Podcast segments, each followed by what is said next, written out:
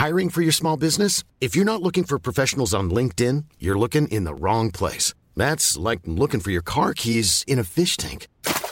LinkedIn helps you hire professionals you can't find anywhere else, even those who aren't actively searching for a new job but might be open to the perfect role. In a given month, over 70% of LinkedIn users don't even visit other leading job sites. So start looking in the right place. With LinkedIn, you can hire professionals like a professional. Post your free job on linkedin.com slash people today. Ukas annonsør er mobilselskapet Ice. Er du under 29 år og kjenner at du har lyst på litt ekstra penger inn mot sommeren og ferien, da bør du høre godt etter nå.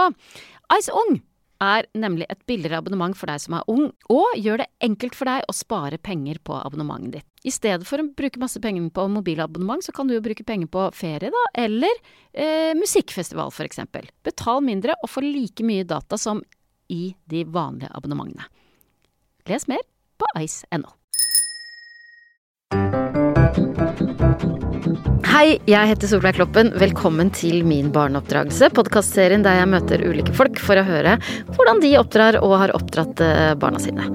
Det er sånn at Jeg er ikke på jakt etter den perfekte barneoppdragelsen, hvis den fins i det hele tatt, eh, men jeg syns det er fint å kunne dele erfaringer og refleksjoner rundt det store og evig aktuelle temaet oppdragelse. Og i tillegg så kan jo disse tankene si noe om hvem man er som person.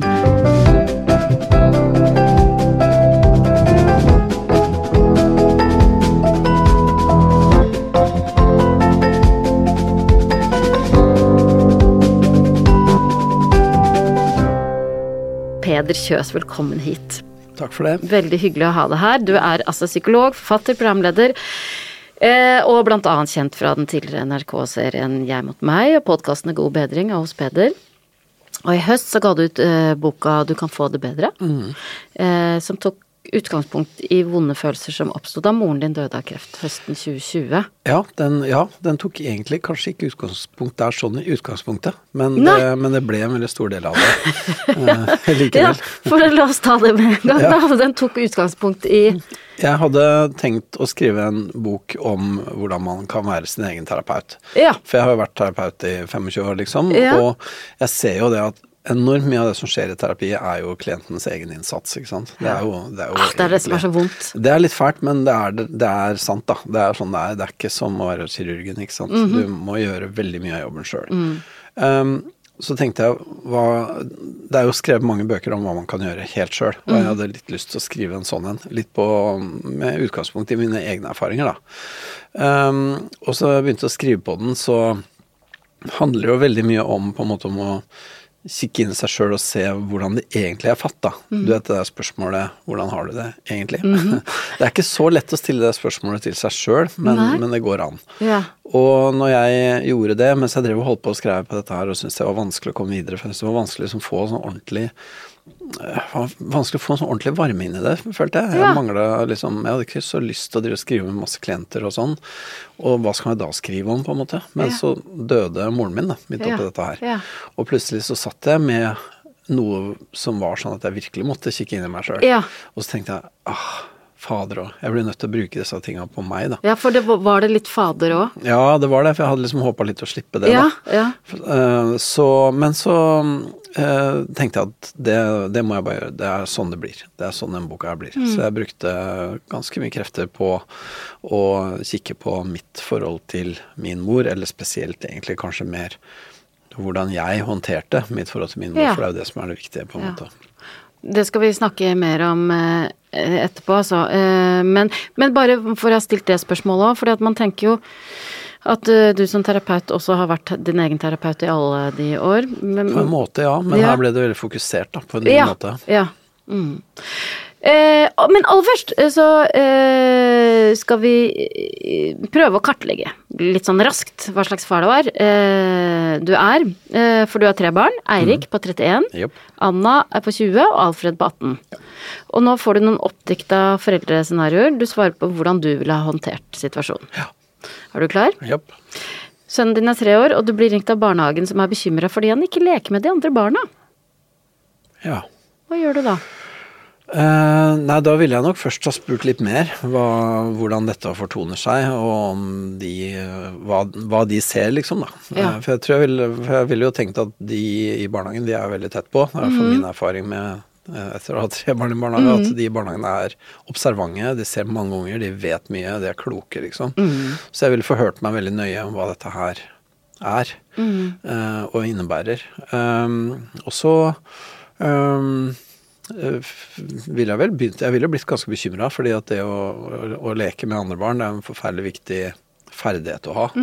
Og det å ikke gjøre det kan jo noen ganger være et tegn på at man kanskje ikke har det så bra heller. ikke sant? Det har noe med tilpasning og det å tilpasse seg til andre folk, det er noe av det viktigste du skal lære som barn. Så, så, så, så jeg tenker vel er, Jeg vet ikke om det er litt sånn juksemåte å svare på, ja, men det jeg ville gjort, jeg ville prøvd å få mest mulig informasjon fra de som ser eh, hele situasjonen og barnet over tid og i mange situasjoner. Og så ville jeg ha bekymra meg en del. Jeg ville ha tenkt Ja. at det var veldig viktig å ta det ordentlig på alvor. Ja. Vil du si at du har vært en bekymra far? Eh, nei, jeg har ikke det. Jeg har ikke vært så veldig bekymra så mye. Jeg har vært eh, det noen ganger i perioder, liksom, men ikke Jeg vil ikke si at jeg generelt har vært en bekymra far. Jeg er jo kanskje egentlig litt sånn vet ikke, kanskje litt sånn easygoing, da. At jeg bekymrer meg ikke så mye, sånn generelt, da.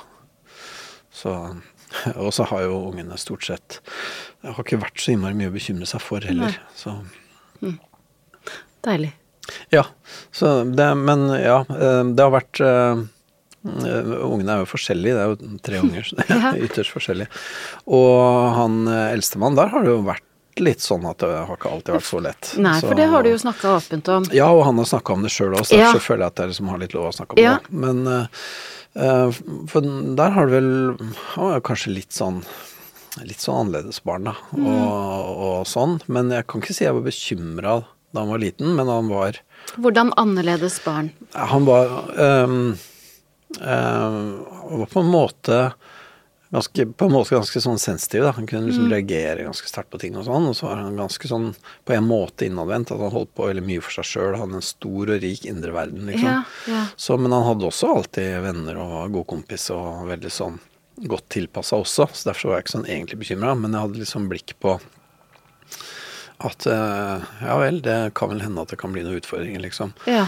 Og, men det ble egentlig ikke det sånn ordentlig før han skulle begynne å flytte ut og bo for seg sjøl og bli student og sånn. For det, det er jo ganske krevende. Ja. Og da må du egentlig klare å styre deg sjøl ganske godt. da. Du Mhm. må liksom ha den derre um, på en måte strukturen og selvdisiplin og alt det Ja, der. ja. Og det var vanskelig for han i starten. Så, så det var noen år der som var ganske vriene for Hvor det ble ganske mørkt? Ja, det ble ganske mørkt. Det gjorde det. Så, men eh, så har det jo gått seg veldig fint til, da. Ja. Så han har Og hvor mye delte han med deg da? Ja, det var, det var jo noe av det som var litt dumt, da. At eh, han ikke egentlig delte så innmari mye. Um, så jeg, eller vi, da, eh, skjønte jo ikke helt hvordan det var fatt før det var nokså ille. Og akkurat det har jeg tenkt mye på, for jeg hadde jo veldig ønska at det hadde vært sånn at han hadde følt at det var naturlig å prate om og, og sånn. Så det er vel egentlig det jeg har tenkt en god del på. Mm. Hvorfor holdt han det for seg sjøl, hvorfor delte han ikke det, liksom? Har han sagt noe om det? Nei, egentlig ikke annet enn at han uh, syntes det var skamfullt og vanskelig, Mm. da. Så det, jeg har ikke fått noe sånn, sånn veldig inngående svar på det, egentlig. Hva var det som gjorde at uh, han begynte å åpne seg, eller at dere skjønte at det var ordentlig galt fatt? Nei, det var såpass dårlig etter hvert at han ikke klarte å få til leveringer, og han ble liggende bakpå og hadde etter hvert et ganske studielån, stort studielån og veldig få eksamener, for å si det sånn. Mm. Så da ble det liksom veldig tydelig, da. Så, så det var litt sånn uh, Ja, det var ganske eh, hardt for han, det. Han er jo samvittighetsfull òg, så Ja. han likte jo ikke at det gikk sånn. Og det er jo sånn som baller på seg. Du har hoppa over en eksamen, så har du ikke fortalt om det, og så kommer den neste, og så har du egentlig ikke klart å ta inn det du har tenkt, og da er det enda verre. Ja, du vet. Mm, det blir sånn spillegalskap, på en måte? Ja, på en måte, ja. Mm. Det blir litt sånn herre balle på seg, da. ja. Og hva gjorde dere da? Eh, det ene var at vi måtte jo liksom se om vi kunne få fiksa opp i den praktiske situasjonen, da. Det er jo ganske viktig. At Mhm. Og det du ikke og mor er skilt? Ja, Ja. ja, så han har hatt eh, to hjem, da. Ja. Så mm, eh, Men det er ikke så lett å svare på liksom akkurat hva vi gjorde, men det var på en måte litt sånn at da ble det mye fokus, og vi prata mye og liksom prøvde å ta tak i det praktiske og prøvde å få snakka med han om hvordan det var og sånn. da. Hvordan så tror- ganske fort retta framover, på en måte. Ja. Sånn derre ok, hva gjør vi nå, liksom? Ja. Heller enn sånn derre å nei, å Ikke sant. Hvordan kunne det gå så galt? Ja, for det, det var mer på bakrommet, på en måte. Ja. Mens eh, ellers så var det mer sånn ok, hva gjør vi nå? Var det lettende for han og at dere skjønte? Ja, det tror jeg nok. Mm. Ja, det var det nok. Ja. Så ja. Nytt dilemma. Fireåringen din nekter å slutte med smokk. Hva Ja. gjør du? Nei. Jeg tenker Han kommer ikke til å møte opp i konfirmasjonen med smokk, så jeg tenker don't worry. Jeg tenker bare Vet du hva, folk legger for mye jobb i de greiene der. Altså. Tenker du det? Ja. Er det så farlig, liksom? Ja, Så deilig for folk å høre det. Jeg håper det, for det, akkurat det syns jeg man godt kan ta litt med ro. Man kan, man kan teste med ungen, for det er jo litt sånn greit at ungen er noenlunde um, uh, i takt med kohorten Ja, sin, da. ja, ikke sant? Det er jo det. Og så kan man prate liksom Ja, ok, nå har alle de andre slutta med smokk, eh, er det her kanskje litt sånn Begynner tida å være inne, på en måte, da. Um, men hvis de er veldig hekta på den smokken, så tenker jeg hvor, hva, er, er det så farlig? Er ikke det liksom Mm. Ja. Nei, jeg tror ikke jeg ville Jeg husker at fordi at jeg, da jeg vokste Eller jeg brukte fingrene, to Ja. fingre, og, og sutta på. ok. Og så husker, og veldig lenge. Men jeg husker jeg var hos tannlegen som sa hvis du fortsetter med det, så kommer du til å, tennene dine til å stå rett ut. Ja, og det tror jeg faktisk er sant også. Ja, så da slutter jeg. Mm. Ja, nettopp. Ikke sant. Ja, da har du en grunn. Datteren din er ni og vil skifte navn og kjønn. Hun har lenge klaga over at hun ikke føler seg hjemme i sin egen kropp. Hvordan reagerer du, og hva gjør du? Um, det, er, det er et ganske vanskelig spørsmål. Mhm. Uh, så det er, det er sånn Det vil komme så veldig an på um, hvordan man forstår den situasjonen ut fra ungen. Da. For der tenker jeg, det, det finnes ikke noe sånn skjema at liksom Ja, hvis det er sånn, da er det sånn. Sånn, mm. sånn er det ikke. På, for det der er veldig komplekst. ikke sant? Det er veldig mye med det. Det handler jo om identitet, og det kan godt hende at det handler om noe som har skjedd, eller et eller annet som du ikke veit. Det kan være mange forskjellige ting, da. Så jeg tenker at da vil jeg nok bruke en god del tid på å så prøve å finne ut På detektivarbeid? Ja, ja ikke, ikke sånn detektivarbeid Nei, men i, i, utenom ungen, men, ja, men sammen i, med ungen. I, ja, mm. Mm. Litt sånn prøve å utforske litt med ungen hva dette her er for noe. Og så ni år, da er du veldig ung, da. Mm. Så jeg tenker jeg tenker Det første tipset er vel på en måte ikke få panikk, ikke sant. Mm. Ikke, på, ikke på en måte liksom eh, Men samtidig eh, heller ikke avfeie det. Ikke sant? Mm. Man, må ta det på alvor, men eh, ikke liksom eh, få panikk. Mm. Eh, og, det, og det å ta det på alvor vil jo være å liksom snakke med ungene og høre ordentlig hva dette er. Mm. Og, og også der liksom la det gå litt tid, la oss se hvordan dette her er. Men hvis, eh, hvis ungen ikke vil si noe, på en måte, annet Mm. enn det, hva gjør man da? Eh, Nei, det er jo vanskelig, da. For Ja. det, når du er ni, så er du jo ganske liten, og du trenger jo foreldrene dine nokså mye. Mm. Eh, Så, så man må jo se om man klarer å få til å få prata, da. Mm. Så man klarer å få vært til stede på en måte som ungen kan bruke, liksom. Mm. Men det er ikke så lett, det. Så Og så er det klart det at det kan også hende at barnet da trenger å snakke med noen helt andre, Mm. ikke sant. Eh, Noen som eh, Det kan også være lettere for et barn som begynner å bli litt selvstendig, og liksom ha litt sin egen verden og snakke med noen andre som ikke er foreldrene. Da. For det er etter hvert en del ting som det kanskje er naturlig å ta andre steder òg. Og da må man jo som foreldre på et vis tåle det, da. At uh, det her har barnet mer lyst til å prate med noen andre om. Har dere hatt det sånn? Har, du, har dine barn hatt andre voksne som de har lent seg på? Um, ja, det, nå, nå har vi liksom vært liksom forskåna for de helt store sånn, Ja. problemene, da. Ja. Men at de har hatt um, andre voksne å snakke med, det, det har de jo. Mm. Det, så Barnet ditt er 14 år, stryker på mattetentamen. Eh, han har ikke turt å si noe, og det er læreren som tar det opp i foreldresamtalen. ja. Hva sier du da? Ja, det høres ut som, eh, høres Ja. ut som Eirik 19 år. Men Ja. eh, ja. Ja, hva man sier for noe når man får den og får vite det. Så da tror jeg at jeg ville ha prøvd å si til barnet at hvis vi skal Nå er du såpass stor at vi kommer ikke til å bare vite ting bare fordi vi ser det på deg at det er noe. Nå begynner du å bli så stor at du kan ha ting for deg sjøl, og det er ikke nødvendigvis så bra. Det er en utfordring å skulle ha ting for seg sjøl. Men hvis vi skal Ja. kunne hjelpe deg, så må du si det. Ikke sant? Fordi ellers så får vi ikke hjulpet deg, liksom. Jeg tror jeg ville sagt noe sånt. Snakke om det å holde ting hemmelig. Mm. Hva det kan ting- gjøre med en. Ja, for en del ting er det jo veldig greit å holde hemmelig og, og ha for Ja. seg sjøl å drive med, liksom. Det skal jo være sånn. Det, er en, det skal jo være en individuering, ikke sant. Det skal jo være sånn at du liksom får mer og mer din egen verden atskilt fra Mm. foreldrene. Samtidig som du har linken tilbake, da. For det har du jo øh, så lenge foreldrene lever, uansett, Mm. egentlig.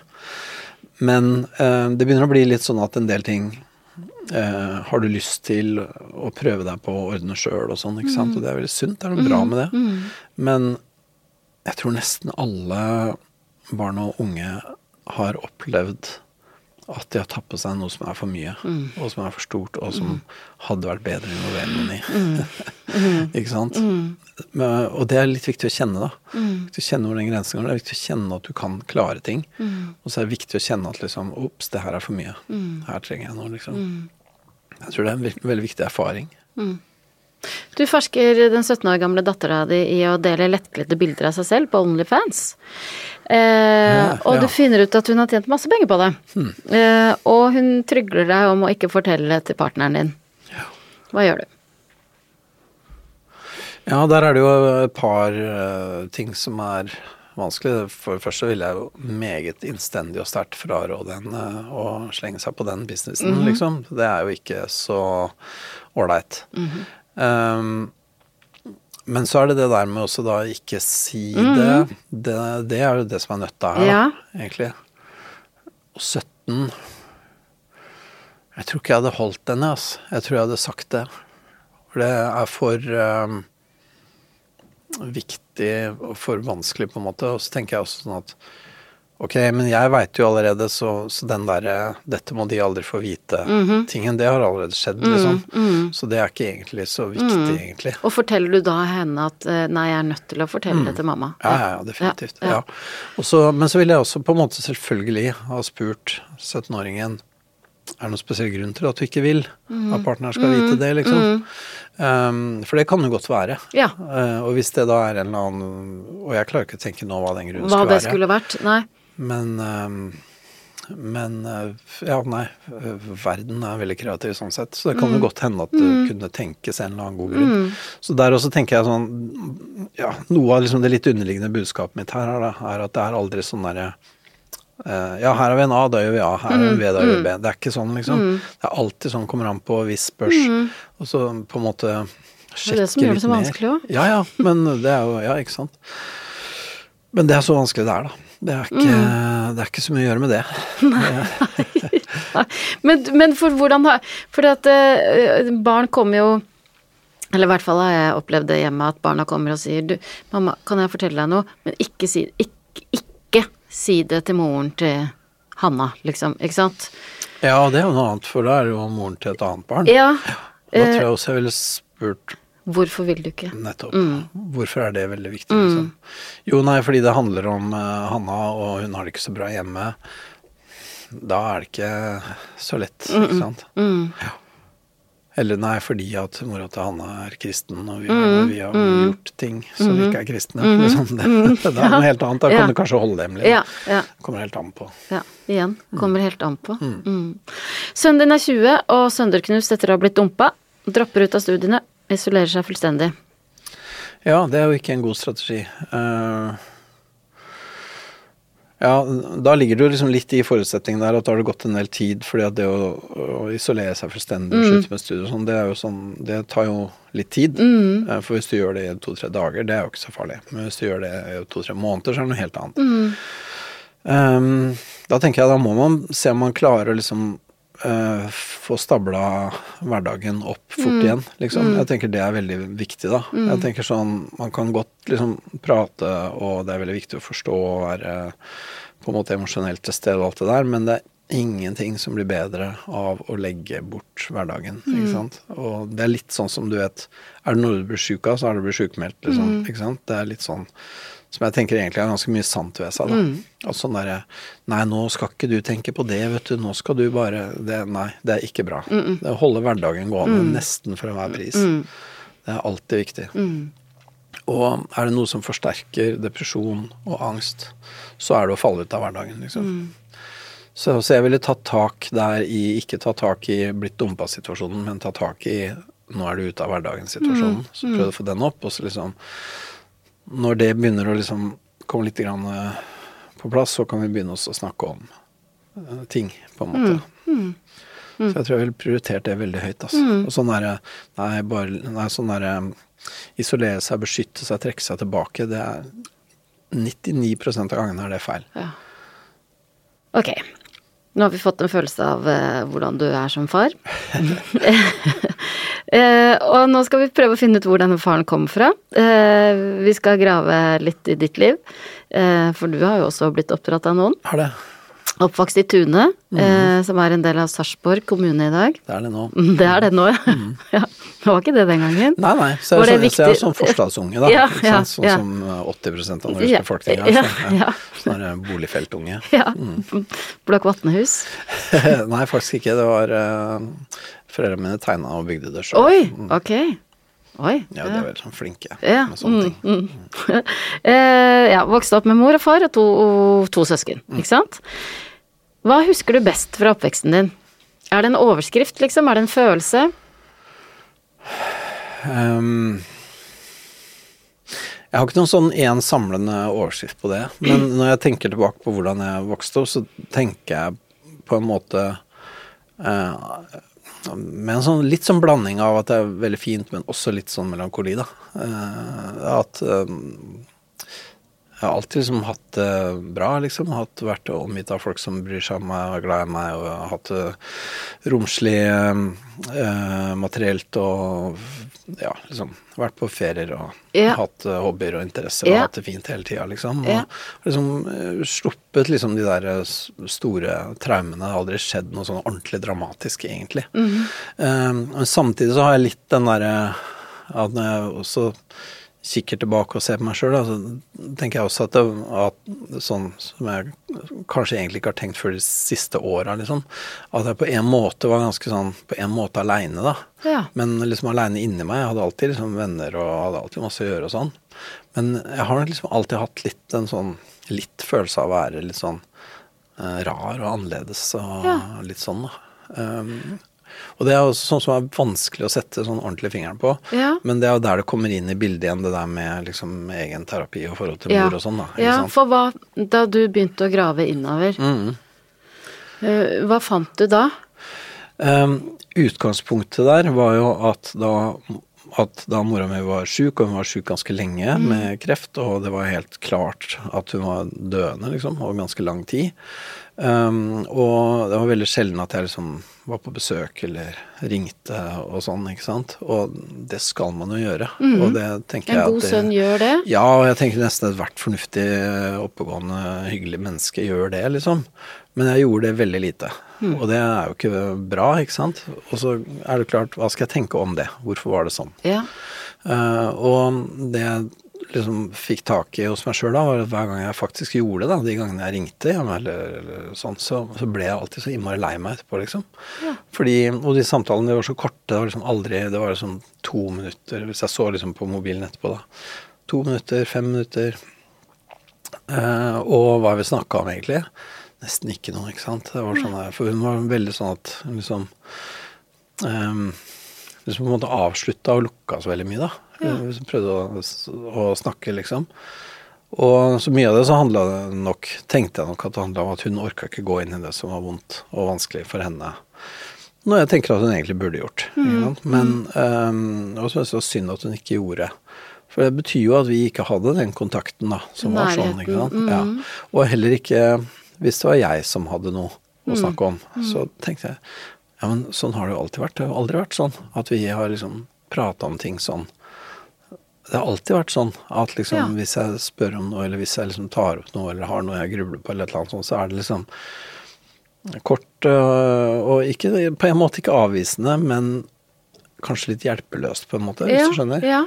At hun hadde liksom ikke noe å møte det med. Og jeg tror at um, hun var veldig lite glad i uro og, og ting som liksom var uforståelig eller vanskelig. Hun hadde veldig liten kaostoleranse, da. ja. Ehm, og ikke Hun håndterte ikke det ved på en måte å være streng eller være prinsipiell eller et eller annet sånt, men uh, håndterte det nok ved liksom å egentlig prøve å liksom komme ut av det så fort og lett som mulig. Ja, forsvinne, liksom? Ja, liksom, ja. Liksom, ja, men det går bra. Og Liksom, ja, ja, men det blir bedre. Ja, liksom, ja. Men øh, ja, bare vent over, øh, over jul nå, så blir det bedre. Eh, Veldig sånn, veldig sånn da. Eh, veldig vanskelig å liksom gå inn i noen ting. Ja. Og jeg begynte å spole bakover, så ser jeg at det går langt, langt tilbake. da. ja. Så mm, tenkte jeg på det at du vet, fra sånn helt tidlig utviklingspsykologi og sånn, da, så noe av det du trenger når du er liten, er jo på en måte Du trenger å liksom bli sett, da. Mm. Du trenger at noen ser deg og skjønner og forstår, og, og så er nysgjerrig og liksom utforsker og tar litt tak i og prøver å følge med. Litt sånn. Og så tenker jeg at sånn var det nok antagelig ikke, da. Det var nok ikke sånn. Og eh, sånn at eh, sånne ting som liksom kan være litt komplisert og sånn, har nok jeg egentlig vært ganske vant til å være aleine med. ja. Og så har jeg tatt meg tid å oppdage det fordi at mora mi var veldig ålreit òg. Hun var sånn hyggelig, snill. eh, Du likte henne? Ja, hun øh, på en måte bakte rundstykker og var øh, hjemmeværende. Ja, liksom. ja. Hun var sånn, sånn, sånn, da. Men noe veldig sånn nær. Og sånn å prate med og sånn til å liksom føle seg forstått av og føle seg sett av og sånn. Det var hun nok rett og slett ikke.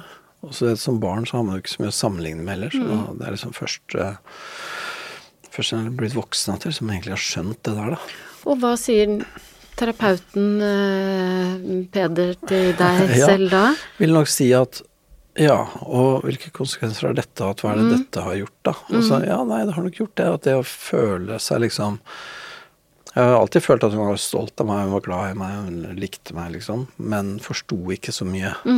og, så- jeg har vel egentlig kanskje følt Og det er en følelse jeg kan kjenne igjen, da. At liksom, ja ja. Folk syns at det er ok, også, men hvor mye skjønner de? Hvor, hvor, liksom, hvor mye vet de egentlig om meg? Og, og det er jo klart at det har jo også gjort noe med min forventning, da. Sånn at jeg ehm, øh, Jeg sier ikke så mye om meg sjøl, liksom.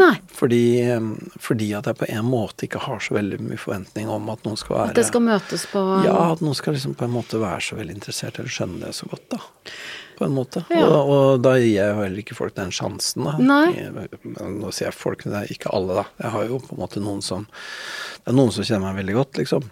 Eh, men det er nok en ting som har prega en del eh, relasjonen min til henne, og seinere også relasjoner til andre folk. Ja, ja. Og som gjør at jeg liksom For jeg, jeg har jo Jeg liker liksom å ja, være en del for meg sjøl og tenke og holde på og drive med mitt. Og, og noen ganger så har det nok vært litt sånn at det jeg driver med nå, det er liksom egentlig Det er bare mitt, og ikke bare fordi det er bare mitt, men fordi at det her er nok ikke så lett for noen å skjønne Ja. eller å interessere seg for.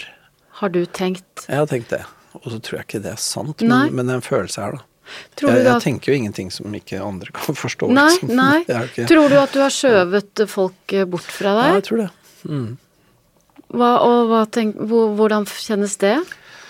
Um, nei, det kjennes som at jeg på en måte egentlig nokså fort gjør meg opp en mening når jeg møter folk. Er dette en person hvor det liksom Ja, det er, det er ok, og vi kan prate om ting og sånn, men, men liksom eh, Porten går her ute, liksom. Eller er det at det er en person som kan skjønne litt mer, hvor det går an å si litt, liksom. Den, eh, der gjør jeg nok eh, meg opp en mening ganske fort, liksom. Og så tenker jeg nok at det er helt sikkert noen ganger at jeg tar feil der. Eh, Begge veier, da. At det er noen som jeg liksom kan liksom, ja, kanskje stole på og tenke at det er sånn, og så, og så er det ikke sånn likevel. Og motsatt, da. Ja, ja. At folk som kunne vært helt ok, men de fikk ikke sjansen, liksom. Men du, men du er jo også da eh, eh, sammen med en psykolog. Ja. Eh, det må, har det vært krevende for henne å liksom For hun må jo ha kjent på dette her at Ja, eh, ja. Hun har, det, hun har jo mange ganger vært frustrert, liksom, over eh, hvordan jeg på en måte går inn i meg sjøl og ikke svarer på ting, og liksom kan liksom bare noen ganger bli fjern og noen ganger bli sur og liksom sånn istedenfor liksom å snakke om ting, liksom. Mm. Og det er liksom Ja, men jeg har jo ikke noe tro på at det hjelper å snakke om ting. Det er sånn jeg har det da. Ja, og så ja. vet jeg jo at det er feil, men du vet, det er én ting er hva man vet oppi huet sitt, og en annen ting er hva som blir en realitet i en relasjon, særlig når det svinger litt, da. Men nå når det- der er så innmari tydelig for deg, gjør det at du har litt lettere for å tenke at ok, kanskje det Kanskje jeg skal åpne Jeg tror hun syns at det er mer ålreit å være gift med meg nå, egentlig. Jeg tror det. Eller det vil si, ja, hun sier jo det. At, eh, at det har vært ganske befriende Ja, ja. også for henne, da. Ja. At jeg liksom har fått litt mer tak på disse tingene her. Ja. For man blir så reaktiv òg, vet du. Man reagerer jo Og så skjønner man ikke helt hvorfor man reagerer som man gjør. Og så har det lange røtter. Ja. Og så har det nok også, også vært sånn at hun har liksom sett ting, da. Mm. Sett mønstre og sånn, og prøvd å påpeke det litt, og det går jo ikke. Da er jo ikke jeg klar for det i det hele tatt, ikke sant. Så det er liksom Så er i hvert fall ikke det, ikke sant. Så, og det skal jeg ha meg frabedt, ja, ellers takk, du. Ja, ikke sant. Og analyse vil jeg helst ikke Kom ikke med det psykologpjattet ditt. Nei, nei. Og det er også noe av det jeg mener med at som klient så gjør man det aller meste arbeidet sjøl. fordi at du begynner ikke på det før du er klar for det. Nei, liksom. nei. Så det er ingen som kan på en måte fortelle deg at uh, uh, eh, nå har jeg sett hva som er greia di, dette her er det, sånn er det. Mm. Sånn som en kreftlege kan gjøre. Mm. ikke sant? Her tror jeg vi skal legge ned et snitt. Mm. Det, sånn er det ikke. ikke sant? Så um, du må på en måte være klar for det. Mm. Og du må være villig til det å ta alt det det innebærer. Mm. Men moren din, hadde dere en, en en forsonende samtale mm, før hun døde? det var litt sånn synd, vet du. At vi hadde ikke egentlig det Nei. sånn ordentlig. Og det var også litt både fordi at hun på slutten så ble hun såpass sjuk og såpass sløva av medisiner og sånn at det egentlig ikke var noe særlig På et tidspunkt er det for seint. Ja, på et tidspunkt så er det for seint, og det er en god stund uh, før uh, det er helt slutt, egentlig. Eh, men også fordi jeg ikke hadde noe særlig tro på det. At, mm, Og det tror jeg faktisk er rett i. Jeg, Ja. tror ikke, jeg tror ikke hun hadde kunnet liksom at det hadde Jeg tror ikke hun hadde kunnet møte det. Nei. Nei. Men du, og, og, og faren din oppi det hele, Mm. hva slags forhold har du hatt til han? Ja, det, han har jo på en måte vært sånn eh, Vært litt sånn 70-tallspappa, da, vet du.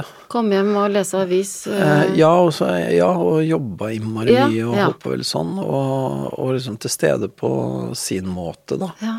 Og han er ikke noe sånn kjempe sånn Det har ikke vært noe sånn veldig sånn emosjonell eh, han heller, opp igjennom, ikke sant. Og jeg tror også da var på en måte knytta til en slags kapasitet og rolle og sånn. Men han har jeg jo etter hvert snakka ganske mye Ja. og hatt, hatt eh, meningsfulle, betydningsfulle samtaler ja. med, Hvordan har han møtt deg? Ja, og det var også før mamma døde, bare for å si det. Ja. Så han liksom um, tar jo dette her imot så godt han kan, da. Og jeg syns han liksom er åpen for å høre det, altså. Ja. Og, og sånn. Men uh, det er uh, Det er sånn vanskelig, for det er jo, det er jo, det er jo på en måte uh, kona hans, da, Mm. som vi snakker om òg. Så jeg har ikke snakka så innmari mye om det. Men, men jeg har jo snakka litt mer med han da, om hva jeg tenker og føler, og hvordan ting er for meg, liksom. Og Ja. det, det har vært litt mer, mer tilgjengelig der. Mm. Men det er, for han så tror jeg at jeg har ganske mye med tid og sted og Mm. eh, sosial klasse og bakgrunn og muligheter og alt sånt å gjøre. For jeg tror han egentlig er um, liksom mer åpen for den delen av verden, på et vis. Ja. Egentlig. One size fits all seemed like a good idea for clothes Nice dress. Uh, it's a it's a t-shirt. until you tried it on. Same goes for your healthcare. That's why United Healthcare offers a variety of flexible, budget friendly coverage for medical, vision, dental, and more. So, whether you're between jobs, coming off a parent's plan, or even missed open enrollment, you can find the plan that fits you best. Find out more about United Healthcare coverage at uh1.com. That's uh1.com.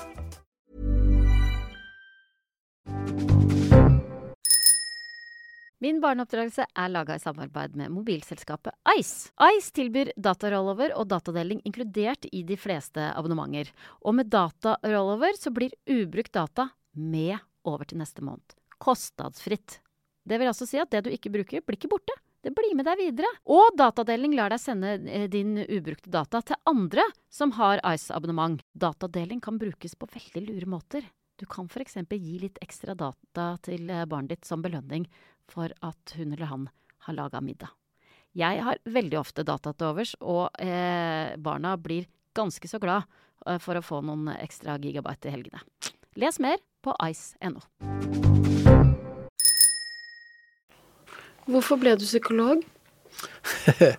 Eh, ja, det kan du si. Eh, jeg tenker jo at liksom den store liksom overskriften der er jo, er jo eh, liksom nysgjerrighet, da. På, jeg har alltid vært liksom nysgjerrig på um, hvordan folk Eller liksom det her med tanker og følelser og hvordan ting henger sammen og sånne ting. Og så har, har jeg jo uh, for, for, når jeg tenker hvis jeg, hvis jeg ser på de yrkene jeg har hatt lyst til å ha, da For, mm. for, for jeg er jo fra en helt ikke-akademisk familie, sånn at jeg ante jo ikke hva en psykolog var, liksom. Eller um, uh, noe sånt.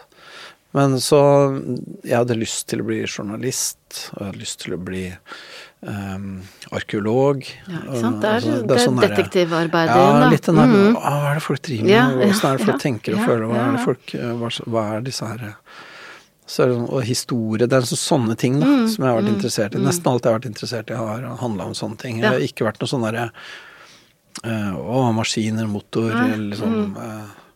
Så er jeg liksom litt sånn interessert i arkitektur og sånt også, men da går det mest på liksom uh, ikke, ikke liksom det tekniske, men Mm. liksom hva er det som er fint? Hvordan er det man kunne lage ting som ble bra å bo i? liksom. Mer sånn, da. ikke sant? Uh, så så um, det har nok vært litt det der. Også den liksom kanskje En veldig viktig hendelse for meg var at jeg uh, begynte å jobbe på gamlehjem og sånn. Ja. Eh, fordi på den tida på 80-tallet det var jobb som var lett å få, liksom. Mm. Og så var jeg i militæret, og da havna jeg i saniteten. Og, Ja. og da drev vi også og jobba på gamlehjem for liksom å venne oss til kropper og sånn. Mhm. Og jeg syns det var så fint. Det var sånn ordentlig øyenåpner for meg, da. Hvordan da? Hva, hva var det du Nei, jeg likte? likte så innmari godt da, å jobbe med de gamle folka, liksom. Og eh, vaske dem og mate dem og prate med dem. Og liksom prøve å få liksom, dagen til å bli litt ok, da. Ja, for hva var det du likte med det? Hva... Ja, nei, det var bare Jeg vet det, det er ikke så lett å liksom bare definere det. Nei. Men det er liksom noe med den derre liksom Du ser noen som har et eller annet behov, og så er det noe du kan gjøre med det, og det behovet er liksom et sånn menneskelig behov, da. Ja. Eh, Det er liksom å bli trøsta eller bli hjulpet opp av en stol, eller på en måte få mat. Sånne, sånne helt sånn basale ting. Ja. Og, mm, så det er på en måte en sånn Du kommer liksom i kontakt med en sånn type Sånn type omsorg, eh, behov, sårbarhet, Ja. alt det greiene der. Ja. Så en sånn ordentlig øyenåpner at her er, her er det noe, liksom. Ja. Så da lurte jeg på om jeg skulle bli sykepleier, da. Men, ja. men det ble jeg ikke. Nei. Du ble en god psykolog i stedet. Det er bra. Um, hvordan vil du beskrive deg selv som barn? Um, jeg, på en måte Det er litt denne blandinga av uh, det er lille isnev Eller liksom lille tilsnitt av melankoli og sånn. For jeg tror jeg var nok en litt sånn Jeg var nok en litt sånn artig og kreativ unge, da. Det er Ja. sånn lærerne mine beskrev meg sånn, sånn der, Veldig aktiv, holdt på med mye ting, likte Ja. å tegne. Mye fantasi? Ja, og liksom eh, Kunne være litt sånn gøyal, på en måte, da. Ja. Eh, og ja, og veldig aktiv og sånn. Og, en, og noe av det var lite grann, jeg når jeg ser i ettertid, noe av det var litt hektisk også. At det var Ja. sånn litt sånn høyt tempo, på en måte, da. Hvorfor? Så, nei, litt, litt den der panikken hvis ting stopper opp, da. Som jeg også tror mora mi hadde. Ja. Så- For hva skjer da? Ja, hva, hva, oi, hva hvis det blir helt stille, liksom? ja. Hva hører du når det blir helt stille? Ja. Og det er en sånn, det er en skummel tanke, det. Ja, Hvis ja. det blir stille, hva hører du da? Ja. Ja, og det mm, eh, Så jeg var ikke noe glad i stillhet, eh, Hvordan har du det med det nå? Nå er det noe helt annet. Nå liker jeg stillhet veldig godt. Ja. Og hva skjer da, når du blir stille? Da prøver jeg også å høre hva jeg hører da. Ja. Og så er jeg veldig opptatt av og interessert i det. Eh, Jeg syns det er mye Så jeg liker godt å, gå tur i skauen og på fjellet og sånne ting. Uten noe på øret? Aldri noe på øra. Jeg tar aldri hodetelefoner Nei. utafor bygrensa. Og også når jeg går i byen, og jeg går mye i byen, for jeg liker å gå når jeg skal steder og sånn. Så, um, og da hører jeg på en del sånn podkast og nyheter og sånn, men jeg liker også veldig godt å gå uten noen ting. Og bare høre lydene. Men du, moren din var jo bare 18 da hun fikk det. Mm. Eh, og var da mye alene med deg. I- Ja. Fordi at faren din var mye ute på reise. Og hun var jo en ganske sånn engstelig da, Ja. person på den tida. Så det var nok ganske overveldende for Ja. henne. Kan du huske liksom episoder, eller Fra så tidlig? Ja. Nei, jeg husker ikke. Jeg husker veldig lite fra så tidlig. Mm. Så egentlig. Um, har liksom prøvd, prøvd også liksom, du vet, på sånn Google Maps og sånn, ikke sant. Og så gå inn på uh, adressene vi bodde på da jeg var Mm. Ja. liten, for å se Ja. huset og sånn, ikke sant. Og det første husker jeg ikke, men jeg vet ikke helt. Men så det neste som vi bodde i, var på Korshagen, jeg tror jeg. eh, Rett utafor Oslo. Der er det sånn når jeg ser bilder av det, så kan jeg huske, Ja. huske liksom husa og bakken der jeg kjørte trådbil. Og liksom, Ja. kan huske at liksom, ja, skolen lå der, butikken lå der. Og så Mm. Og hva slags følelse gir det? på en måte en sånn slags um, På en måte en slags sånn trygghet, da. Det har liksom alltid Ja. hatt liksom ryddig rundt meg, på en måte. Ja. Sånn. Og det er sånn jeg husker hjemme og sånt, at det var sånn stabilt, stødig, liksom trygt sånn, Ja. da. Ikke sant. Mm. Det har alltid vært, mm. alltid vært sånn. Og det tror jeg har vært veldig viktig for meg, da. Å ha den grunnleggende følelsen av trygghet, på en måte. Mm. ikke sant. Var det mye diskusjoner? Var det Nei, nei. nei. Hvis du skulle gjette, hva vil du tro? Nei, jeg tror ja. det var ikke det, vet du. Nei. Svært lite av det. ja. Mm. For lite. Ja, jeg tenker det var for lite. Og så når det var det, da, sånn som det var på, øh, på Vestlandet, ved en hytte der, det var der faren min kommer fra. Og så, da var det sånn, da var jo alle brødrene og masse folk og søsken og masse greier. Og da, da kunne det være ganske mye sånne politiske diskusjoner og sånn, da, med nokså høyt øh, volum også. Det var sånn som, jeg merka godt at øh, mora mi likte ganske dårlig. Ja. Ja, da ble hun urolig. Ja, jeg var ikke noe glad i sånne Og hvordan er det med deg nå? Er, hvor, hvor, er det mye krangling? Er det høy, kan det være høylytte Ja, det kan det være. Absolutt. Så Blir er du liksom- urolig av det? Ja, jeg blir veldig urolig av det, men jeg må øh, på en måte ta det, da. Ja. Så, for det tenker jeg vel at er viktig. Ja, selv at du må tåle er- det. Ja, og selv om det er fælt og grusomt og jeg hater det, så må man av og til det, liksom. Du, du eh, var ikke så veldig god i idrett, Nei, det kan man ikke si. Men fant speideren. Ja, det er jo en sånn interesse for folk som ikke er så veldig gode til noen ting, men som er interessert i og gode til en del ting. Ja. Så ja, og nå er jo ikke sant, Speideren var Det var nerdy da, og jeg tror det er enda mer nerdy Åh, nå. jeg har så hjerte for det. Når jeg ser sånne speidertrupper rundt omkring, så tenker jeg... Det var veldig fint, altså. det passa så altså, godt for ja. meg. Ja. Det passa så godt. Ja. For det, var, det, det er allround, og det er sosialt, og du holder på litt med forskjellige ting, og du trenger ikke liksom det går an å liksom konkurrere ting og utmerke seg og holde på, men det er på en måte ikke poenget. Nei, nei. Så det er ikke noe konkurranseaspekt Og man passer godt på hverandre, eller? Ja, ja. Så, så det var fint. Ja. Det passa bra for meg. Ja, men men den gangen så var det sånn at egentlig Det var ikke så mange ting å velge den gangen. ikke sant? Så det var sånn at Alle spilte fotball, alle gikk. Ja, på speideren. Det var veldig sånn alle. Ja. Så, så derfor så var det jo veldig mye det samme som jeg gikk på skolen med. Så derfor så kjente okay, vi hverandre ja. sinnssykt godt også, ikke sant. ja. Ja, for alle gikk i speideren, ja. ja. Ja, litt, eller ikke alle, men Men veldig mange. mange. Mm. Mm, mm, mm. Hvor, ø, ø, dine barn, har de holdt på med mange ulike aktiviteter? Har Nei, de de har, liksom vært sånn som, de har vært veldig sånn at de har ikke hatt noe særlig lyst til å være med på organiserte Nei. ting. Noe særlig. Og hva har du tenkt om det? Nei, det jeg tenkte at de må velge sjøl, rett og slett. Fra ganske tidlig. Jeg har aldri pusha dem på noen ting. Nei. På noe sånn korps eller speideren eller fotball eller noe som helst. Det har vært for, for jeg tenker på en måte at det der må komme, den interessen må komme litt innenfra, da. Um, så, så nei, vi har ikke pusha dem på det overhodet, og, og det har heller ikke blitt noe særlig. Nei.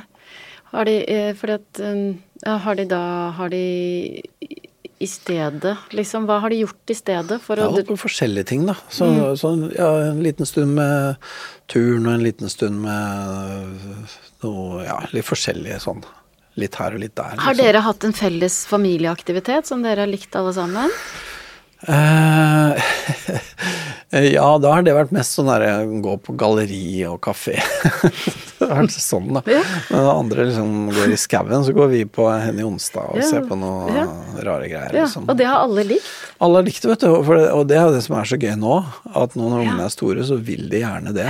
De, de syns det er kjempegøy å gå på eh, på Munch-museet. Og, og til og med det syns jeg på en måte Det synes jeg er litt sånn der, eh, en liten, sånn, en liten krone på foreldreskapet Ja, vårt var ja. at han øh, yngstemann, da han, øh, De var liksom 16 eller 17 eller så, så dro de på tur, han og kompisene, til København uh, aleine.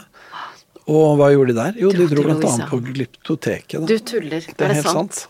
Ja, de sa det i hvert fall, men jeg tror på det òg. Men det vil jo si, ikke sant Dere, da har, du har ikke, dere har ikke pusha dem, Nei. eh, men dere har jo lagt til rette for, det. Ja, ja. Mm. Og de, og de på samme måte som andre folk eh, kjenner Nordmarka og kan skau, Ja. så de kan kunst Ja. og kultur og Så gøy. arkitektur, og de går og kikker på bygninger, og ja, den der må være fra slutten av 1800-tallet. De, Wow. de, liksom, de kan de tinga, Ja. og det er jeg litt stolt av. Ja, det har du grunn til å være stolt av. Eh, tilbake til din barndom. Hva likte du best med din egen oppdragelse? Um, jeg hadde veldig mye rom for å drive med mine egne ting. Ja. Uh, så jeg um, De hadde veldig respekt for at jeg liksom holdt på i timevis med å sitte og tegne, eller timevis med å sitte og lese tegneserier og sånn. Jeg fikk holde på nokså mye for meg sjøl. Mm. Og det, og det hadde også veldig sånn toleranse for uh, Vi hadde sånn band som øvde i um, kjellerstua. Ja. Sånn sykt rabalder og lang tid. Ja, det tålte mange. Ja, ja, ja. ja. Mm. Ja, det var aldri noe problem med sånne ting. Så det var litt sånn sosialt hjemme sånn. Og Ja. sånn bordtennisbord. Det var veldig mye sånn aktivitet sånn, da. De hadde, de hadde veldig toleranse for det. Ja. Etter hvert eh, så eh, begynner du på psykologistudiet i Oslo. eh, Og så blir du da pappa som 24-åring. Det er ganske tidlig. Mm. Ja, det var tidlig. Hvordan var det å balansere rollen som student og småbarnspappa? Ja, det var ikke det letteste det, men samtidig så når man er 24, man har jo så mye krefter, da. Mm. Eh, Så jeg føler at det, det, var, det var veldig slitsomt og veldig sånn, men jeg føler at det liksom føler at det gikk, og at det egentlig var mer at det ga meg, enn at, Ja. det, enn at det tappa meg, Ja, vil jeg virkelig si. ja. Eh, For det er igjen da, litt den samme typen sånn opplevelse som jeg hadde med det der med å være i Sannheten og jobbe på gamlehjem og liksom få øye på uh, hvordan liksom den typen relasjon kan være. Og sånn er det jo for barn òg. Mm. At liksom, det at det er en som er helt, helt avhengig av deg hele tida, Mm. og det som ikke blir gjort det du ikke gjør, det blir ikke gjort, Mm. liksom. Det, det er så viktig, og det bringer inn en type fokus og en type tyngde da, i livet som jeg likte veldig godt. Mm. Ja. Som jeg har veldig glede av. Mm. Så jeg føler at det var sånn skikkelig lærerik relasjon, da. Hvordan bodde dere da? Hvordan så liksom livet ut? Ja, i, vi, først så bodde vi i en leid leilighet på, på Frogner, faktisk, av alle steder. Men det var ikke noe flott leilighet eller sånn. Det var så gulvkaldt, men det var ok, det. Og så etter hvert oppå på, på Tåsen også. Men dette er tidlig 90-tall, sånn at liksom, Tåsen og Frogner var ikke helt det, Det det som det er nå. nå. Mm. Eh, Det var liksom mye mer tilgjengelig for studenter som skulle leie en leilighet, liksom. Mm. Så, så vi bodde, så det var helt ok. Altså, det er sånn som da jeg drev og googla det der første stedet jeg bodde, så var det en sånn herre Du vet sånn derre treetasjer sånn Du vet sånn Gerhardsen-blokk. Sånne De der lavblokkene. Mm, lavblokkene, ja. ja. Mm. Og det var sånn vi bodde i oppå Tåsen også. Ja. Og det var, eh, det var fint, det. Men så gikk vi fra hverandre da han var ett år, da. Så da Ja. flytta jeg inn på Kringsjå, på studentbyen her. Hvordan var Sånn- det, da? Å gå fra hverandre? Ja, det var ikke noe særlig. Nei. det, det var uh, ikke godt. Det var veldig det, Så det første året der, det var ikke et godt år. Men var det riktig? Ja ja, det var det. Mm. Det var riktig. Men det var, uh, det var mer nødvendig enn at det var så innmari ålreit. Mm. Hadde du klare tanker om hvordan du skulle oppdra barna dine før du fikk eh, Eirik? Nei, ikke så veldig klare. Jeg hadde ikke, jeg hadde ikke tenkt så veldig klart rundt det. Jeg hadde mer tenkt sånn at liksom Jeg hadde veldig lyst til å ha barn, det har jeg jo tenkt fra jeg var 17-18, liksom. Har du det? Ja, ja. At eh, det var noe jeg liksom så fram til og tenkte det var viktig og Og hva ålreit. så du for deg da?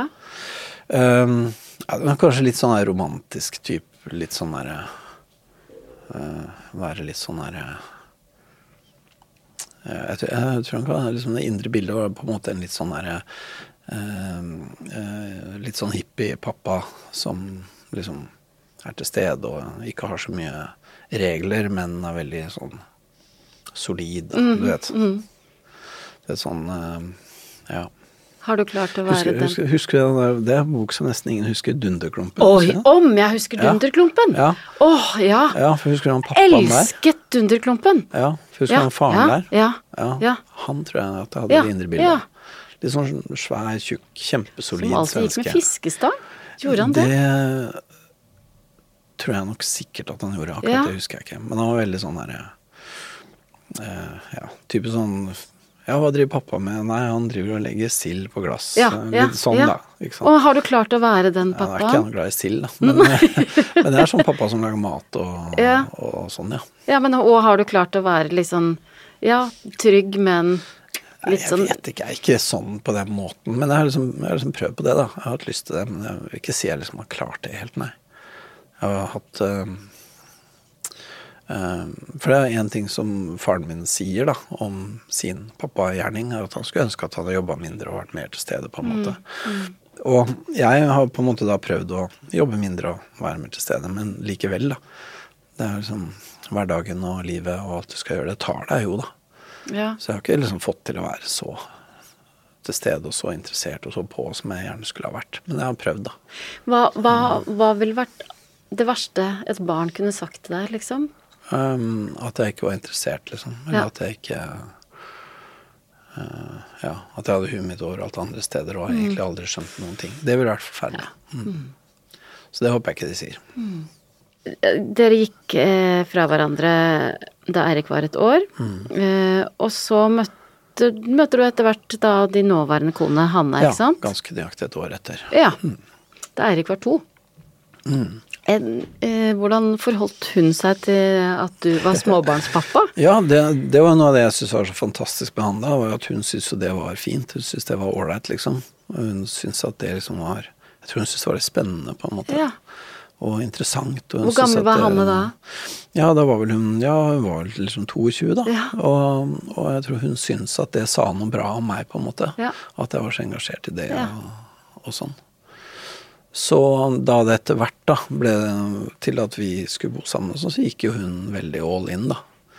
Um, så det var noe jeg syntes var veldig imponerende. Mm. Ikke sant? Så, som jeg syntes var veldig flott, og som jeg fortsatt en dag i dag er utrolig glad for. Ja. Hvordan hun og egentlig også hun og hennes, hele hennes familie da, tok imot uh, Eirik og meg. Det er Ja. sånn som jeg er veldig takknemlig Ja. for. Og som var skikkelig fint. Ja.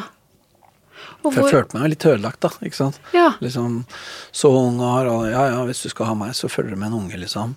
Du vet. Ja, ja. Og så er det egentlig ikke noe gærent med det. Jeg står for det. Er bare det at jeg skjønner hvis du syns det er en hindring. ja. Men jeg står for det 1000% Men hvis du syns det er et problem, så skjønner jeg det. Litt sånn, ikke sant. Ja. Så fint. Ja, for det, ja, det var fint fordi de på en måte da alle sammen var så romslige og ålreite som de var, da. Og hvor stor del har hun Altså hvor mye har hun ment om oppdragelsen av Hun har jo gått all in fra hun var to, Ja. så hun har vært eh, fullverdig uh, mammaskikkelse, Mm. vil jeg si. Hva slags forhold har de i dag? Uh, ja, godt forhold, vil jeg si. Ja. Sånn, ja. ja. Så um, det Ja. Men du, for at, ikke sant, det, det, ja. der er jo folk veldig forskjellige, ikke sant. Ja. Noen går inn som uh, bonusforelder og tenker jeg skal ikke, det er ikke min oppgave å oppdra dette barnet. Mm. Ja. Jeg trekker meg tilbake i de situasjonene hvor den liksom, en forelder må inn. Og det kan du ikke gjøre med en toåring, ikke sant. Nei. Jeg mener jo at du ikke kan gjøre det i det hele tatt, da. Men jeg, skjønner at folk liksom kvier seg litt. Men jeg syns egentlig ikke man kan det. Jeg syns man må gå all in. Hvorfor kan man ikke det? Fordi at det blir så rart for ungen, da. Med en voksen som på en måte er der, men som ikke Ja. går inn og tar ansvar og er en ordentlig voksen. Ja, en veileder. Ja, og en omsorgsperson og liksom er nær, liksom. Synes Det er liksom å holde igjen. Det er litt sånn rart, for unger tar jo ting på seg sjøl òg. Hvorfor holder denne personen igjen? Er det noe med meg, liksom? Men, ha, men har dere vært enige eh, om oppdragelse? Ja, i all hovedsak. Ja. Men eh, ikke om alt. Så, og, men det har da vært sånn at akkurat det tror jeg også er bra for unger, da. Å, å skjønne at liksom eh, vi, går ikke også, vi, vi går ikke liksom opp på eh, Sinai-fjellets topp og konfererer steintavlene når vi skal finne ut hvordan ting skal gjøres. Det er noe vi finner ut her og nå, Mm, hvor vi godt kan være uenige, for det er flere meninger om ting. Det er ikke sånn at liksom Sånn er det, that's it. Sånn er det ikke, liksom. Mm. Og det tror jeg våre unger er vokst opp med. Mm. At alt eh, er i en sånn evig strøm av avgjørelser som må tas, og prinsipper som gjelder, men ikke gjelder. og Kommer an på. kommer an på, Mm. og man må finne ut, og man må se på det, man må interessere seg, man må prøve å forstå, og man kan ikke bare liksom konferere boka. Mm. Det tror jeg de vet veldig godt. Um, ok, eh, for så får du og Hanne barn, da, etter Ja. hvert. Etter 10-11 år. Mm, Anna og Alfred. Og og nå skal vi liksom prøve å finne ut hvordan, ja, hvordan de årene med de barna har vært, da. Eh, for eksempel, er du en far som har lekt mye med barna dine? Ja. ja. Jeg har tilbrakt mange timer på gulvet med Lego og rundt omkring. Har du likt det? Ja, ja, veldig godt. Jeg syns det er kjempefint. Veldig spennende, veldig morsomt. Ja. Så, Eh, tillot dere at barna sov i sengen deres? Eh, ja, til dels. Eh, for, ja, det var mer sånn Det var på en måte mer opp til dem enn opp til oss, føler jeg, på en måte. Så, Ja. ja. Så, så, så tillot er vel ordet, ja. Ja, ja, ja. Hvis noen ville, så var det lov. Mm. Noe de egentlig ikke benytta seg så innmari mye av. Unntatt når de var helt små, da. Fordi alle de tre ungene har jo hatt uh, veldig kolikk. Og alle har også vært veldig sånne natteranglere. Så det har vært mye øh, slitsomme Oi, hvordan uh, takla dere det? Ja, nei, man takler det sånn som man må takle det. Det er sånn Å, hvordan takla du andre verdenskrig? Det er litt sånn. Ja, jo da, men eh, Man må bare ta det. Man må bare ta det, Ja, men ta det. Jeg bare husker fordi at hun yngste vår, hun sov ikke. Eh, Nei, det er jo grusomt. ja, og jeg husker at jeg liksom At vi hadde diskusjoner hjemme hvor Kjartan liksom overhørte meg inne på rommet til Klara sånn Soro! Altså, og at jeg sa Jeg tror jeg også sa 'nå må du sove, hvis ikke kaster jeg deg ut av vinduet'. Hvor han på, på et, bare kom inn og sa 'nå kan du gå og legge deg', så nå, nå overtar jeg, liksom. For man blir jo gal av det. Man blir veldig sliten. Ja. Så, men vår slitenhet har nok ikke slått så veldig mye over i en sånn den type frustrasjon, da. Eh, som jeg syns er absolutt forståelig, det er ikke det. Men eh, det har noe med liksom litt sånn Det har nok vært mer sånn at Ok, det blir ikke noe søvn i natt heller, nei. Nei vel. Litt sånn, da. Mm. Ja. Uh, og kjempesliten, kjempetrøtt, kjempefrustrert. Men det er liksom bare Ja, men Ja, har dere, klar, har dere klart å liksom rom, Har dere klart å være rause i forhold til hverandre? Um, ja, jeg, jeg føler det, altså. Sånn uh, for det meste, i hvert fall. Ja, Eh, det er godt gjort. Ja, jeg, jeg håper ikke det er sånn helt uh, historieforfalskning, men jeg tror, egentlig, jeg tror egentlig at vi har klart det ganske greit. Ja, for jeg Sånn. husker sånne morgener hvor det var sånn Unnskyld, Kjartan, men nå Jeg, jeg syns jeg hørte deg sukke, liksom. det, ja, det er bare Nei, hva da? Nei, det er Mm. bare rart, for dette Det var vel jeg som var våken i natt, liksom. Ja, det er klart, ikke sant. Og, og, og det er jo klart, og det blir jo sånn her Nå er det faktisk din tur, liksom. Ja. Uh, Det er jo et evig regnskap. Ja. Ja, på en måte, og så gjelder det å ikke regne for nøye på det regnskapet, da. Mm, Så, men jeg vet ikke, jeg. Jeg håper jeg liksom ikke at han ville liksom sagt noe helt annet, men jeg føler at vi egentlig har klart den greia. Det er ganske brukende. Ja. Men tenker du at det er fordi dere på et, At man har bestemt seg for det, liksom? At det, dette må vi bare tåle, nå må vi bare liksom stå i det? Nei, det er ikke, nei, det er egentlig mer sånn der jeg håper, dette her går over ganske snart. Ja. Så, så for litt det samme der som på alt annet, at det er veldig lite at vi liksom bestemmer oss på forhånd for en ting. Det er mer sånn at liksom ok, hva er det som gjelder nå? Mer sånn. Ja. Mm. Vi er ikke så veldig sånn der, vi har ikke så mye sånn derre visjon. Nei. Og det tror jeg faktisk kanskje er en fordel. Ja. Hvis du har tenkt nei, nå skal det bli sånn. Ja, sånn skal og, så, det se- ja. og så ble det ikke sånn, da. Forventninger er alle Ja. skuffelsers mor. Ja. det er sant, samtidig som det også er veldig mye glede ved Ja. å forvente ting. Ja. Så, men vi har nok vært Jeg tror liksom den grunnleggende holdningen til oss begge er mer sånn derre Ok, nå er vi her. Hva nå? Ja. Mm. Jeg tror det, altså. Jeg, vi, har hatt lite sånn derre hatt lite sånn der visjonsstyrt uh, foreldreskap. Er barna deres blitt sånn nå? Eh, ja, det har de nok. Ja. Ja. de har nok det. De er også litt sånn Som på en måte Ja, tilpasser seg, finner ut av ting og liksom Mer sånn enn sånne kjempelangsiktige, veldig spesifikke planer og ja. sånne ting. Em, har manerer vært viktig hjemme hos dere? Nei, nei, det har ikke det. Ikke så veldig. Ikke sånn der en bok under hver arm-type, nei. Men gjerne spisepinken og gaffel, ja. Men, ja. men eh, nei, vi har vært veldig Jeg føler at vi har vært nokså litt det samme som med den der smukke problemstillingen. At liksom Skal vi mase med det, eller skal det egentlig få lov til å komme litt mer organisk, liksom? Ja.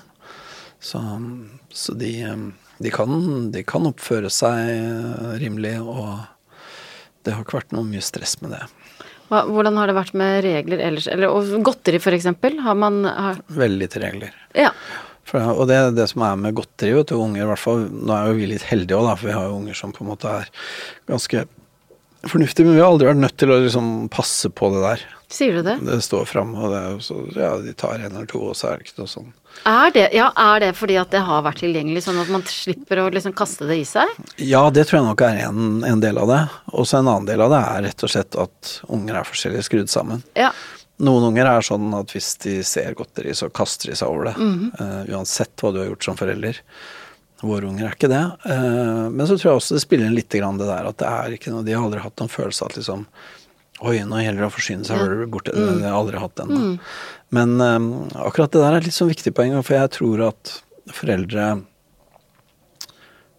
uh, tar for mye både skyld og ære på seg sjøl, mens veldig mye handler om ungen sine iboende tilbøyeligheter. Ja. Så Det, eh, det er både fint og skummelt. Ja, ja. ja men Å det, tenke ja, på, ja. Ja. men det jeg tenker med det jeg, jeg tror at man former ungene sine mye mindre enn det veldig mange foreldre tror. Mm. Um, og sånn, du vet sånne unger som liksom er tre år, det beste de veit er uh, omstekt uh, rosenkål med parmesan og hvitløk, ja, ikke sant. ja. Og så er det andre unger «Ah!» ikke sant. Alt annet enn eplesaft er Mm. krise, liksom. Og så, ja, men så har vi vært flinke til å la dem smake på nye ting. Og? Altså, det er ikke det, vet du. Det er at ungen dine har et sånt nervesystem, og ungene dine har sånne smaksløker.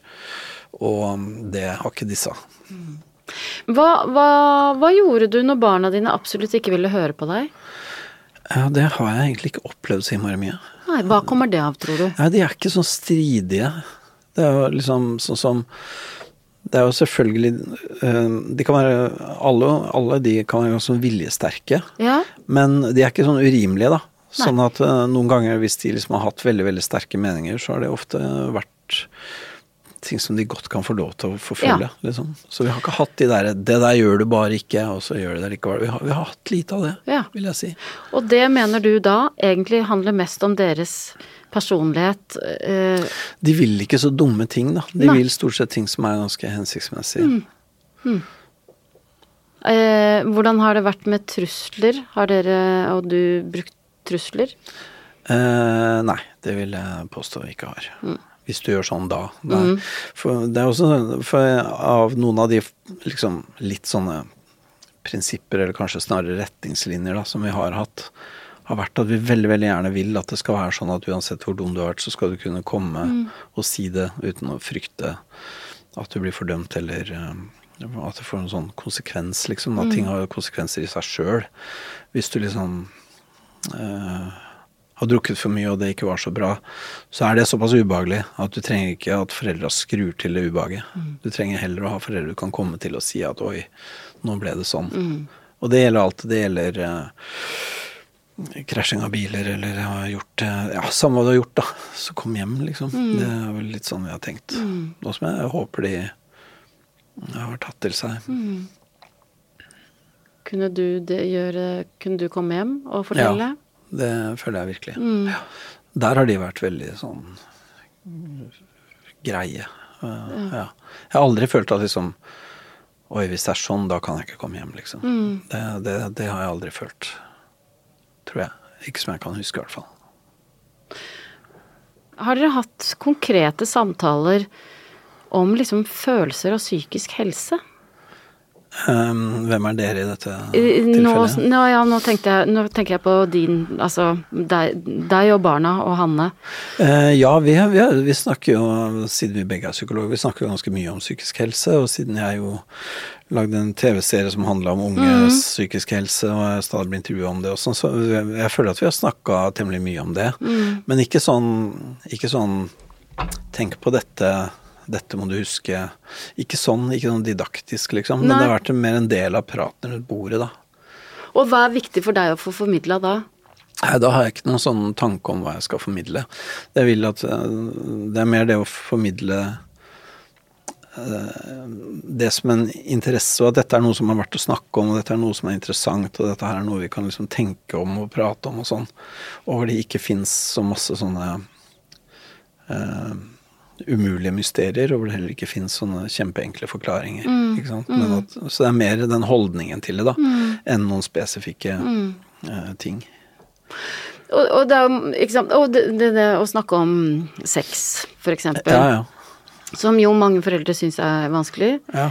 Hvordan har dere gjort det? Har det vært én 'nå tar vi samtalen', eller Nei, har det vi har vært snakka veldig lite om det. Ja. Eh, Det, det har vi snakka ganske lite om. Ja. Så jeg går også litt på det der, det er veldig spesifikke. um, Det går mer på liksom holdningen, da. At liksom Livet er stort og mangslungent, og man lærer og man finner ut, eh, og det er mange greier. Men, men ikke noe sånn 'nå skal jeg fortelle deg'. Det har det vært lite av, altså. Mm. Så, så uh, ja.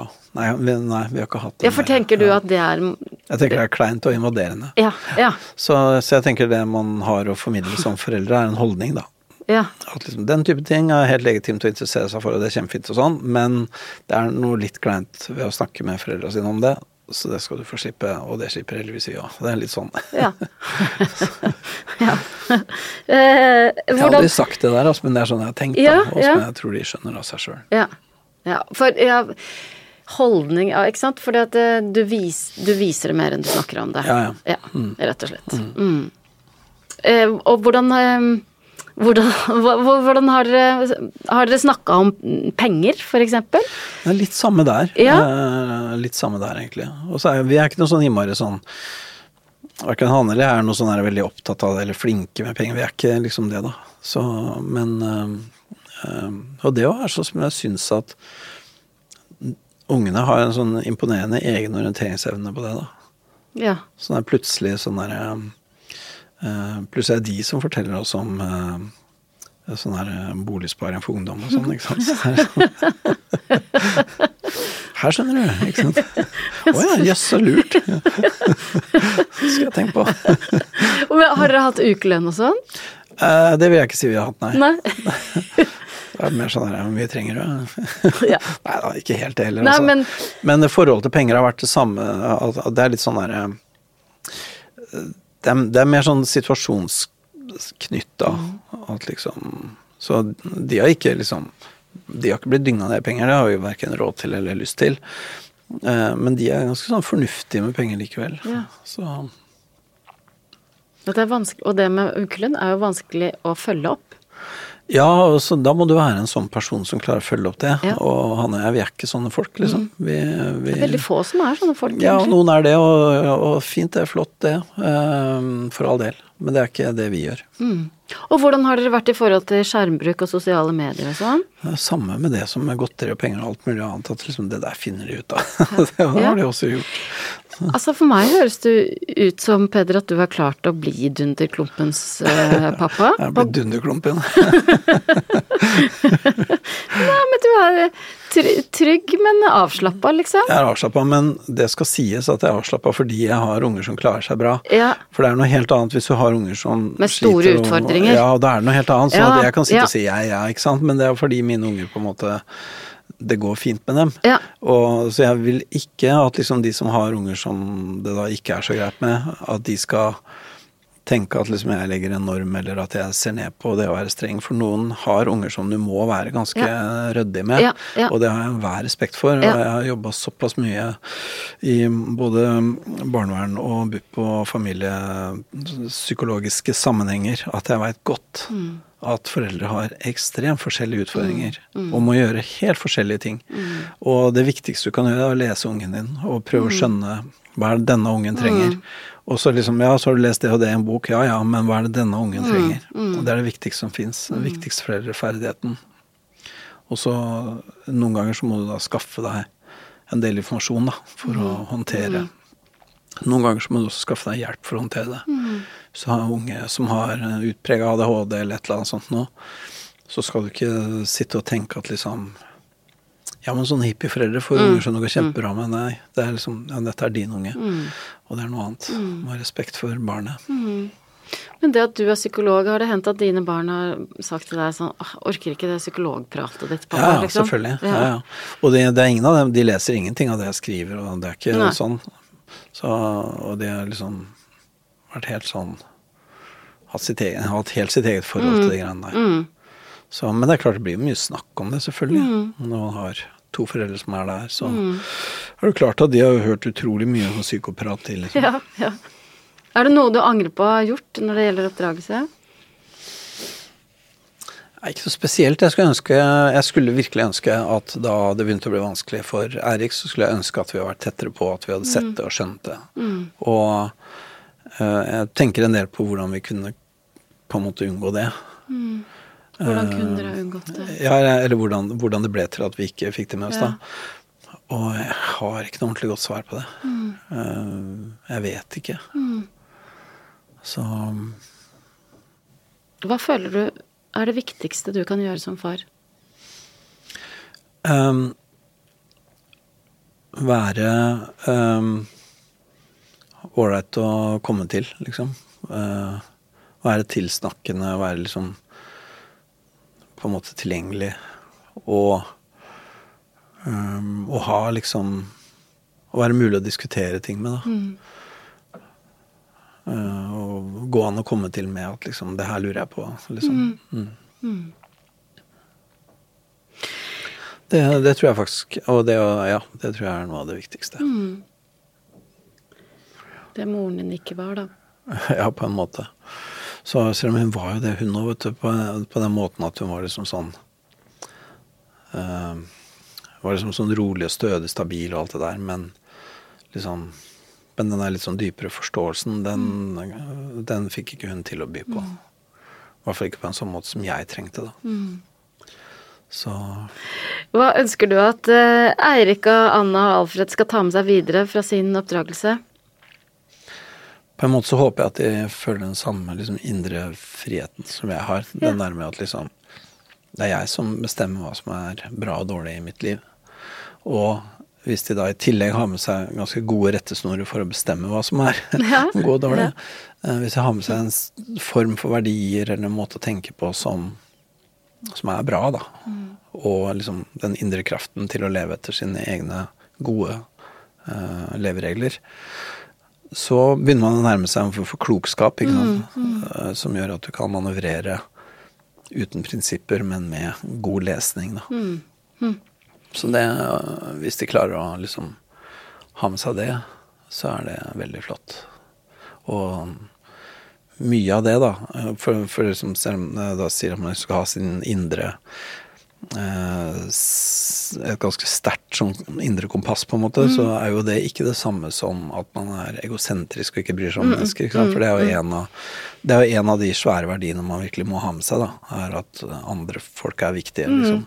Og at andre folk har um, uh, Ja, eller må liksom tas rimelig hensyn til å bety noe og være viktige. Hva er ditt beste råd til andre foreldre der ute? Uh,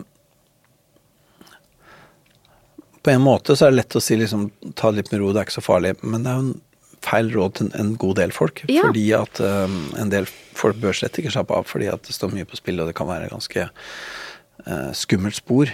Uh, så derfor så må rådet bli mye mer komplisert og nesten umulig, egentlig.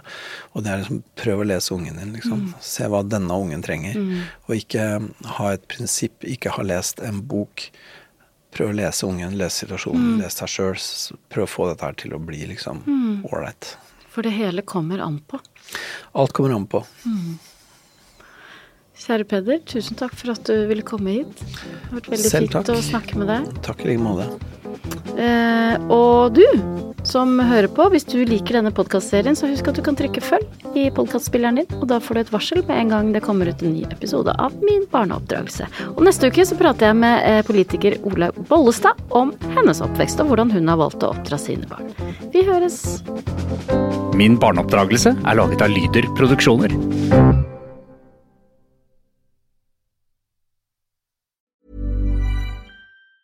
Hi, I'm Daniel, founder of Pretty Litter. Did you know cats tend to hide symptoms of sickness and pain? I learned this the hard way after losing my cat, Gingy. So I created Pretty Litter, a health monitoring litter that helps detect early signs of illness by changing colors, saving you money and potentially your cat's life. Pretty Litter is veterinarian developed, and it's the easiest way to keep tabs on your fur baby's health right at home. Go to prettylitter.com and use code ACAST for 20% off your first order and a free cat toy. Terms and conditions apply. See site for details.